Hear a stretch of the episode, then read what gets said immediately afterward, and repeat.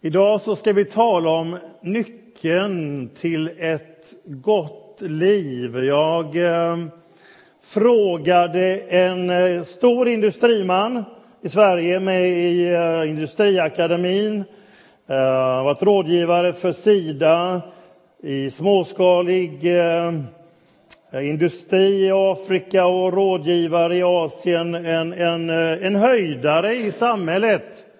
Och så frågade jag honom om han skulle sammanfatta hans livs melodi.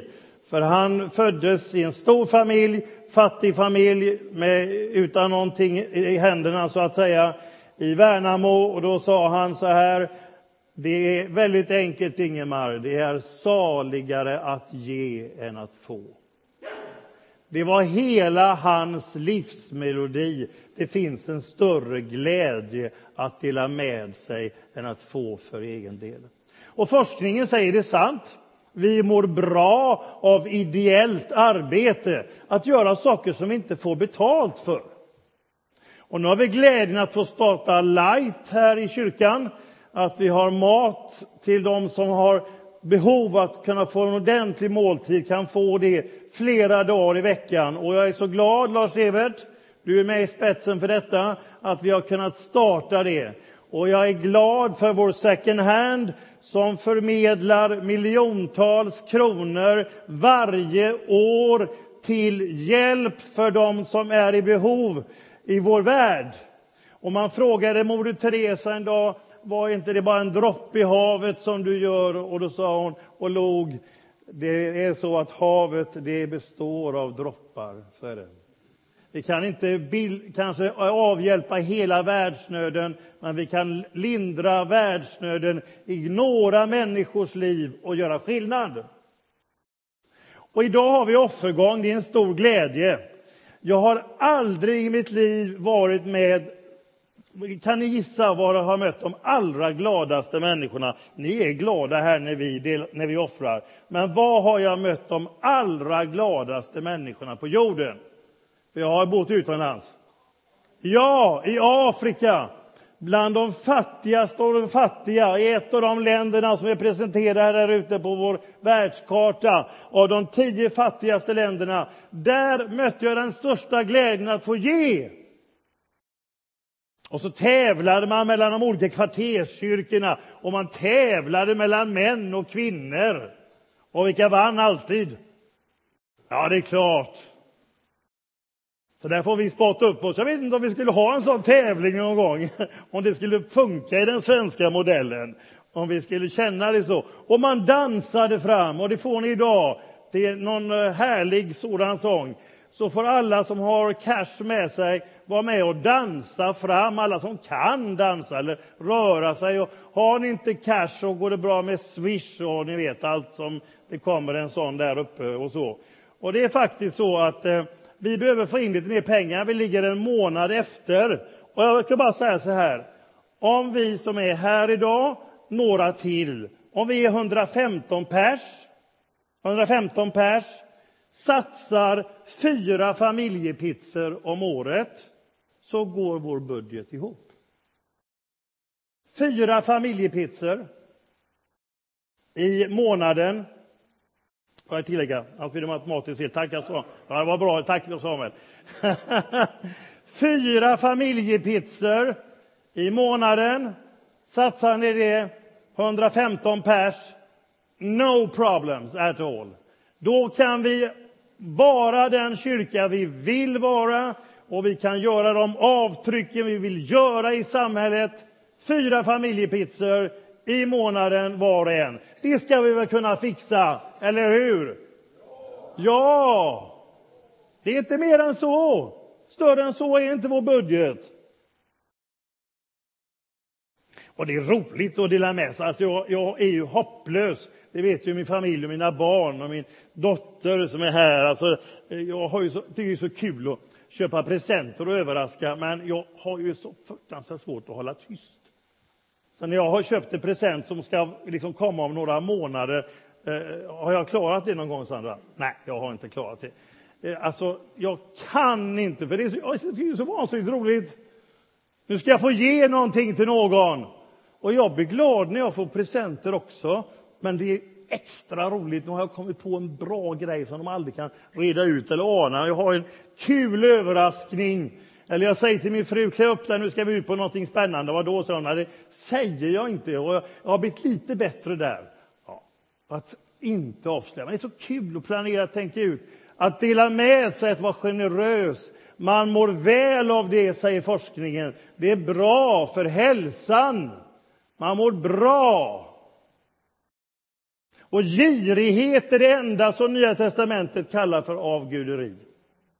Egoismen är ursynden. Kan jag få lite mer ljus? Jag, inte, kan jag sänka rösten lite, känner jag. Lite mer ljud här, så ska jag sänka. Tack. Eh, eh, egoismen är ursynden. Och det betyder att undanhålla Gud och människor sitt hjärta. Att roffa åt sig istället för att ge och att behandla liksom allting som sin egendom. Jag ska läsa det citatet så jag får det helt rätt på sluttampen. Man roffar åt sig istället för att ge. Undanhålla Gud och människor sitt hjärta, betrakta livet som sin privata egendom och roffar åt sig istället för att ge. Det är vad egoismen är. Och då är vi ett samhälle som spårar ut. När Paulus i Romarbrevet beskriver ett samhälle i sönderfall av hjärtlöshet, uppfinningsrika i det onda, elaka, hjärtlösa. Han har en lång lista. Så bottnar det i en enda sak. Kommer ni ihåg vad han säger i Romarbrevet? Vad bottnade hela detta sönderfallet i? Ja, ja det bottnade i girighet och att man dyrkade fel sak. Vad var det man dyrkade?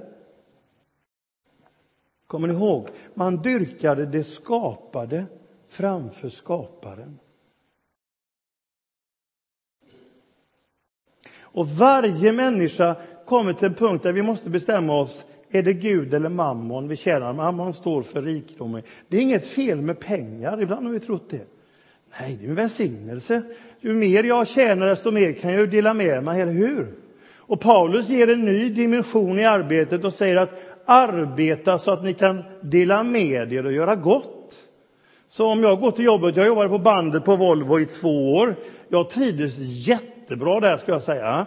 Men det är klart, ibland kan det vara lite enformigt. Men jag, jag kan ju också tänka om jag jobbar den här timman så kan jag ge så många biblar till Kina eller så många kan jag hjälpa att få plantera träd i öknen. Alltså jag ser mitt arbete betyder något för någon annan.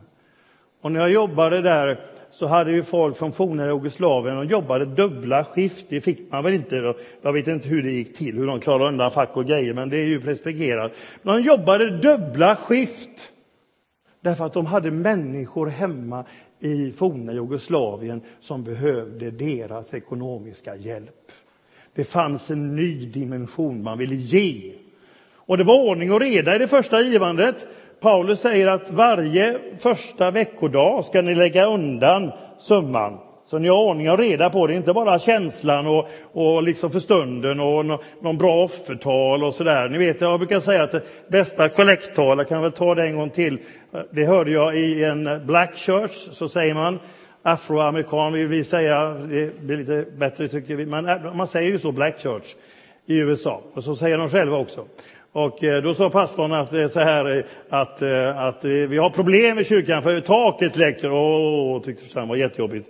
Det var en församling på 10 000 och jag var där och lyssnade. Och, och så säger pastorn, the good news, de goda nyheterna, vi har pengarna!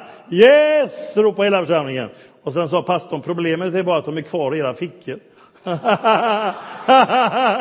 ja, det är väl ett väldigt lysande kollekttal. Eh, som är svårt att komma undan. eh, för det finns en glädje. I, Gamla testamentet så var det så Gud betonade, han älskar en glad givare, står det. Varför då? Därför att Gud är en glad givare. Inte av olust eller av tvång, inte av plikt, eller för, utan av hjärtats villighet. När man byggde tabernaklet och templet så kom man, för man kände sina hjärtan, jag vill vara med och ge. Och kassören i tempelbygget fick till slut, jag, jag brukar fråga Karin, det är spännande Karin, när du får gå upp här i slutet på, på december eller i november och så får du säga, det är bra kära församling, ni behöver inte ge mer resten av året. För så gjorde de där, för det kom in så mycket så kassören till slut fick säga, stopp och belägg, nu behöver vi inte mer. Det var fantastiskt, för alla var så glada och engagerade och tyckte att församlingen var viktig. Det vi gjorde var viktigt. Vi trodde på det här. Du kan ju vara medlem i Pingstkyrkan hela ditt liv utan att ge en enda spänn. Och ingen kontrollerar eller någonting. Jag, jag, vet inte, det finns ingen annan förening, om man nu så som juridiskt är, där du kan vara med ett helt liv utan att betala medlemsavgift, inte en krona. Du får bara vara med.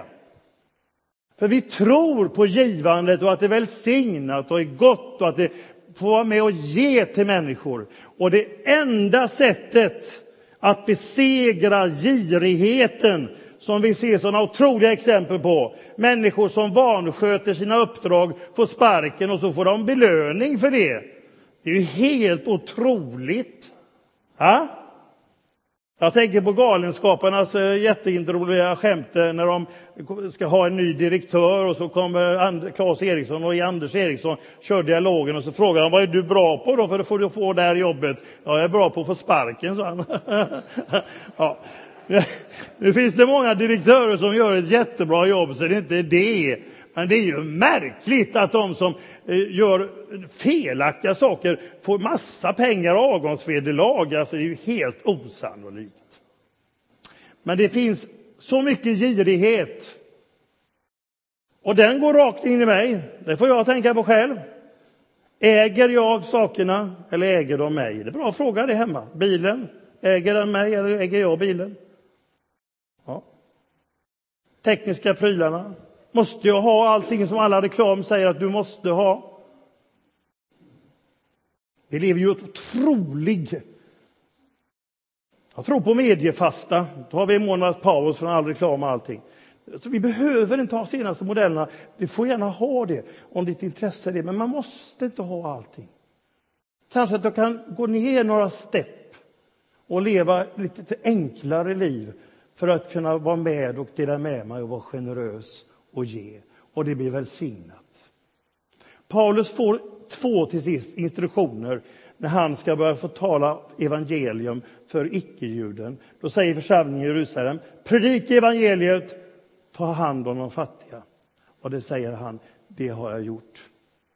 Och I Ordspråksboken står det att den som ger till den fattige lånar åt Herren och han ger bra ränta, står det i Levande Bibeln. tycker jag är ett häftigt uttryck.